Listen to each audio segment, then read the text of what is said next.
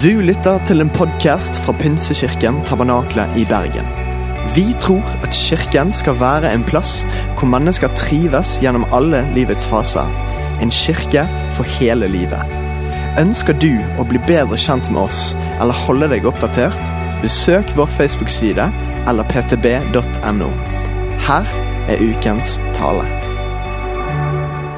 Det er bare mange kristne som ble spurt om hva de opplevde som var mest utfordrende i troslivet. Altså Det som hindret mest trosvekst, eller liksom oppleve at man levde i det å, leve ut troen sin i hverdagen. Og Da kommer altså klart på nummer én blant disse 2000 menneskene som ble spurt, så kommer stress fram. Som en av de største utfordringene. Stress. Og det kommer også fram dette med at det er uro konstant hele tiden. Noe som skjer hele tiden. Kan det være sånn at måten mennesker lever livet, det tempoet som legges opp til i vårt samfunn i dag, er nesten som en vold mot sjelen? Vårt indre menneske. Jeg skal lese dagens tekst, Matteus 16, og vers 26. Hva vil det gagne et menneske om det vinner hele verden, men taper sin sjel? Eller hva skal et menneske gi som vederlag for sin sjel? Jeg syns dette treffer gående bra inn i vår tid. Der vi har så mange ting vi skal vinne. Hele tiden skal vi vinne et eller annet, få gjort mest mulig eller oppleve mest mulig. Som kanskje noen har helt sånn reiseabstinenser nå i denne tiden. Eller få med meg mest mulig. Aldri gå glipp av noe.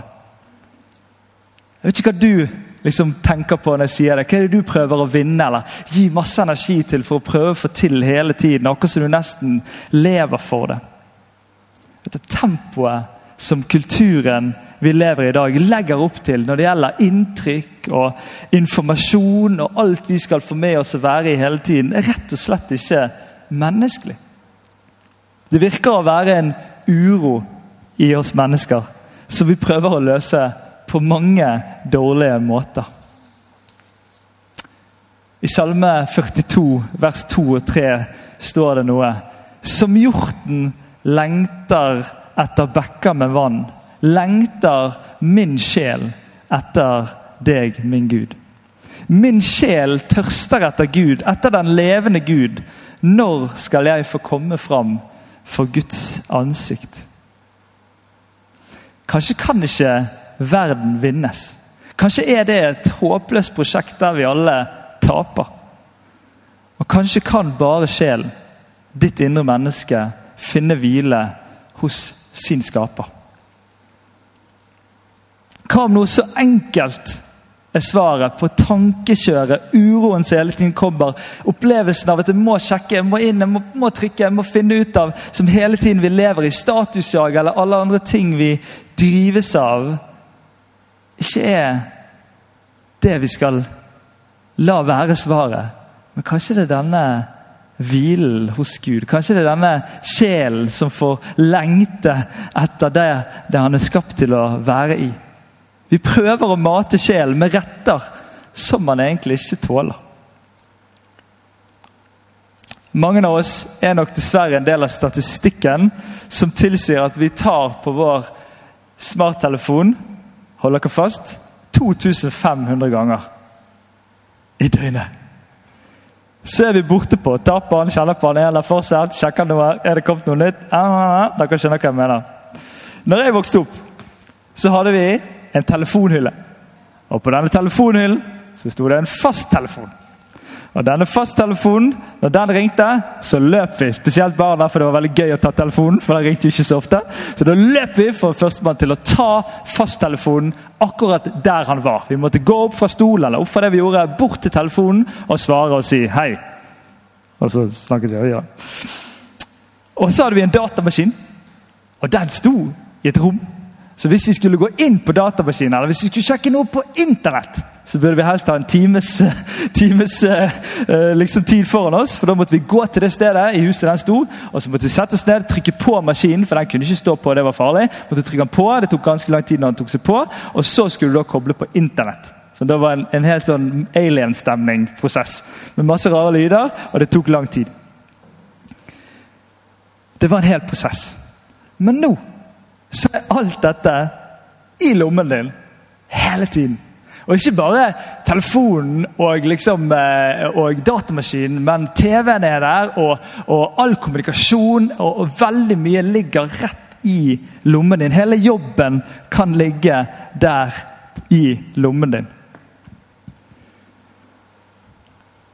Hvis vi tror at denne endringen, som har skjedd på mindre enn 20 år, ikke har konsekvenser for oss mennesker, så lurer vi oss sjøl. Sånn som hver generasjon før oss har lurt seg sjøl. Vi ser tilbake på de og tenker Hva dere på? Hva holdt dere på med bak i den tiden der? Skjønte dere ikke at dette ikke var bra? Sånn kommer forhåpentligvis noen lenger fram til å tenke om oss òg. Dette er et problem. Mye av utfordringer i dagens samfunn kan faktisk spores tilbake til telefonen. Dette nydelige hjelpemiddelet som på så mange måter har gjort livet vårt så mye bedre og så mye enklere. På så mange områder. Holder på å bli vår tids aller største utfordring. Det var en ettermiddag den ene sønnen min han kommer, han er ca. to år gammel. Så kommer han og bærer mobiltelefonen helt sånn forsiktig i armene. Så kommer han bort til meg. 'Her, pappa. Her er telefonen din.' Akkurat som at det var det viktigste jeg eide i hele mitt liv. Kommer der, og Jeg får helt vondt inni meg hvordan jeg plutselig så i han hvordan han tenkte at jeg så på telefonen min. Du vet at Det finnes barn i dag som er sjalu på telefonen, som ødelegger foreldrene sine telefon fordi at foreldrene bruker mer tid på skjermene enn på de. Unge mennesker ser på serier etter serier, gjør ingenting på en hel kveld, men de er mer slitne etter de er ferdig med serien, enn når de begynte. Voksne mennesker klarer ikke å kommunisere vanlig hjemme i en vanlig stue en vanlig kveld uten å ha et TV i bakgrunnen som de kan ha som referansepunkt for samtalen som de skal ha. Folkens, det er et stort problem. Og Nå er det på tide at vi må erkjenne det. At det tempoet, det trøkket, det som ligger i både denne telefonen, men hele vår verdens informasjon og alt vi skal få med oss, og alt vi skal få med oss, det er et problem. Vi må erkjenne det. Vi hadde en stille dag med Bibelskolens substans oppe i Lofoten. Jeg samlet inn alle telefonene på morgenen, og de var jo stresset, disse elevene samlet det inn, og så var det en sånn kiste der. Synes det var et fint bilde på det hele, for Vi tok det liksom oppi en sånn liten kiste. Og så hadde jeg denne kisten hele dagen.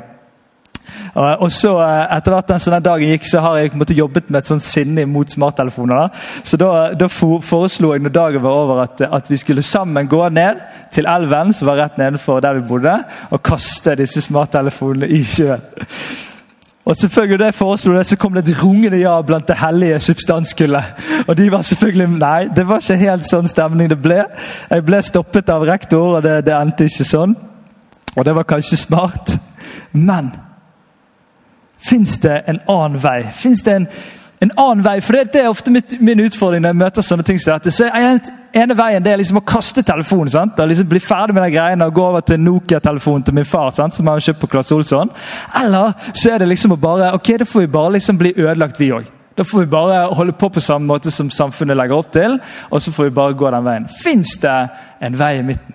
Fins det noe som ligger i det at Jesus sier han ber for oss, ber Jesus i Johannes 17, så ber han ber om at de skal være i verden men ikke av verden, sånn som han heller ikke er av verden. Altså Han snakker noe om å leve annerledes inn i den verden som vi lever i. og Nå preger disse tingene vår tid. Kanskje kan det finnes en annen vei. Kanskje kan mobilen være det hjelpemiddelet, men ikke bli den herren i livet ditt som det kanskje blir.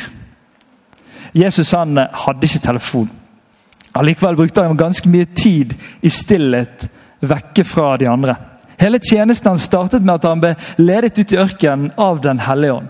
40 dager var han ute alene sammen med Gud. Og etter 40 dager står det at han ble sulten. For han spiste ikke de 40 dagene. Det er en sånn nydelig bibelvers. Eh, og så står det at da kom djevelen for å friste ham. Og I mitt hode så er det sinnssykt strategisk av djevelen å komme. da. Selvfølgelig, Jesus er sliten, han har vært ute der, ikke spist på 40 dager. Ting må være ganske vanskelig. Har vært alene uten folk, ikke fått noe stimuli. og sånn. Tenk, Nå er han svak, nå er han på sitt svakeste. Nå tar jeg ham. Kan det være at Jesus var på sitt sterkeste? Kan det være at når Jesus hadde vært 40 dager sammen med sin Gud, i stillhet, bare sammen med han, så var han på sitt aller sterkeste til å stå imot den største fristelsen han hadde i sin tjeneste, nesten. Der han ble satt foran mange forskjellige fristelser før han begynner sin tjeneste. Kanskje var han på sitt svakeste i sitt ytre menneske, men på sitt aller sterkeste i sin ånd og i sin sjel, i sitt indre menneske. Jesus har denne vanen i livet. Han fortsetter med han. Han trekker seg unna. Før han skal ta to store beslutninger, før han skal velge de tolv disiplene, så trekker han seg unna, går til sides, er alene med Gud. Det står at han, han gjorde det daglig, nesten. Det står det som en vane han holdt, holdt gående. Han gjorde det etter store suksesser. Det står at det var full rulle og mange folk ble helbredet. Og så trekker Jesus seg unna. Enten tar han med seg disiplene for å hjelpe de til det samme, eller så går han alene opp i fjellet eller til et øde sted og er alene. Han kunne gledet seg over suksessen, stått og snakket med folk etterpå, liksom, men han trekker seg unna for å være sammen med sin Gud. Og før den store dagen, når han skal bli korsfestet, så går han alene. Selv om han har med seg disiplene og deler på veien, så går han helt alene på kne i Getsemane. Jesus han viser oss en livsstil. Og En livsstil den blir til ved handlinger.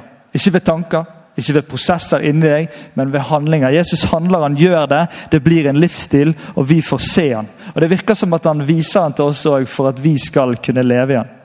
Og Jeg utfordrer deg til å slutte å tenke på å ha tid alene med Gud. Slutte å tenke på å ha stillhet som en del av hverdagen, men faktisk begynne å gjøre det. Det er erfaringer som endrer måten vi lever livet på. Når vi ser at det betyr noe eller gjør noe med oss, la oss begynne å handle på dette området. Nå kan vi være alene med Gud selv om det er lyder rundt oss også, men noen ganger så åpner ekstern stillhet, altså stillheten rundt oss, opp for eh, Eh, tid med Gud og den interne stillheten. Der vi får den intensjonelle tiden sammen med Gud, alene med Han. Der vi er sammen med Han som har skapt oss og vet det beste for oss. Nå kan vi være alene med Gud selv om det er lyder rundt oss òg. Men det er helt klart at vi, vi lar noen ganger den eksterne uroen prege det, sånn at vi ikke kommer inn i den interne stillheten. Og så er det ikke alltid sånn at det er så fint alltid. Det kan være du er stille, og plutselig er det bare deg sjøl å forholde deg til. Og det er da det kan komme en del vanskelige ting opp. Kanskje er det ting du har rømt ifra med det stresset du har levd i de siste årene. Eller kanskje er det noen ting som veller opp i ditt indre så det er lenge siden du har tenkt på. Så kommer det fram vonde og vanskelige ting. Og Det er kanskje noe av det viktige med å være stille sammen med Gud. At det får komme fram disse tingene vi noen ganger rømmer fra med å være travel, eller vi ikke ønsker å ta tak i eller prosessere.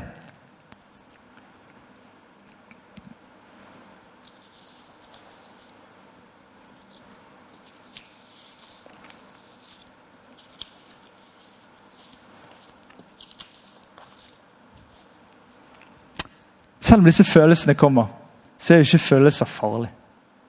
Ikke farlig i seg sjøl. Jeg hørte noe nydelig sagt her forrige uke. Tenk hvis hver følelse er en mulighet til en bønn. Tenk hvis det er sånn at når du går disse vanskelige rundene, disse vanskelige tankeprosessene som kan komme når det blir helt stille, så blir det en mulighet til å si det til Gud. I salmene og flere steder så ropes det sånne ærlige bønner. Så det er bønner som ikke er polerte eller sies på politisk korrekt måte, der det ropes ut. Vi hører en Davids roper om at han ber om at sine fiender skal bli drept. Ingen god bønn i seg sjøl, men en ærlig bønn om at det var det han, han fryktet i livet, eller trengte der og da i den tiden han levde i. Disse ærlige bønnene kanskje er de vanskelige følelsene, som jeg tror vil komme som en del av det å være stille og alene. En mulighet til å be. Herre, jeg tenker dette, eller jeg føler dette, eller jeg kjenner på dette. Sette ord på det. Si det til Han som tåler alt. I Matteus 11, 28-30 så står det 'Kom til meg, alle dere som strever og bærer tunge byrder, og jeg vil gi dere hvile.' Ta mitt åk på dere og lær av meg, for jeg er mild og ydmyk av hjerte. Så skal dere finne hvile for deres sjel. For mitt åk er godt, og min byrde er lett. Jesus inviterer oss til et liv sammen med han. En rytme av intensjonell tid med han i en rytme som er god for oss i dette livet. Der vi får gå ved siden av ham, der han har vist oss en livsstil som han vil lede oss inn i. Vi lever i en annerledes tid for tiden.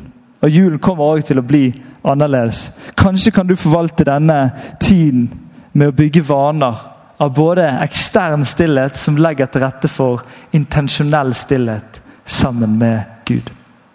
Ro og fred i din sjel. Gjennom den tiden som du bruker alene.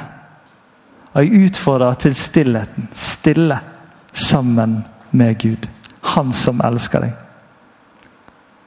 Kanskje kan vi da leve sånn at det er vårt indre liv som styrer hvordan vi møter alt det ytre vi treffer rundt oss. Og der vi faktisk kan ha det godt med vår sjel, selv om det stormer rundt oss. Herre, jeg ber for akkurat det. At vi skal få lov til å få ro og fred i vår sjel. Herre, må du ta vekk dette unødvendige jaget som vi noen ganger drives av og røres av i den tiden vi lever i nå, Herre. Må du avsløre det som ikke er godt og ikke er fra deg. Og Det som ikke er bra for oss, det som blir vold mot vårt indre, Herre. Må du hjelpe oss til å legge til side, eller ta oss sjøl til side og være i stillhet sammen med deg. Herre, jeg ber om sånne nye vaner i våre liv. Gode vaner som blir livsstil som forandrer. Der vi får leve annerledes i en tid der alle leter etter svarene utover, eller alt man skal finne ut av, mens vi får lov til å se at det er du som kan fylle oss med dine sannhetens ord om hvem vi er, og hvem vi skal være. Herre, jeg ber om sånne gode stillestunder i denne adventstiden. Som er fylt opp av deg, ditt nærvær og alt du har å gi. Amen. Du skal få høre denne gamle salmen som handler om nettopp dette at det skal være, kunne være godt i vår sjel.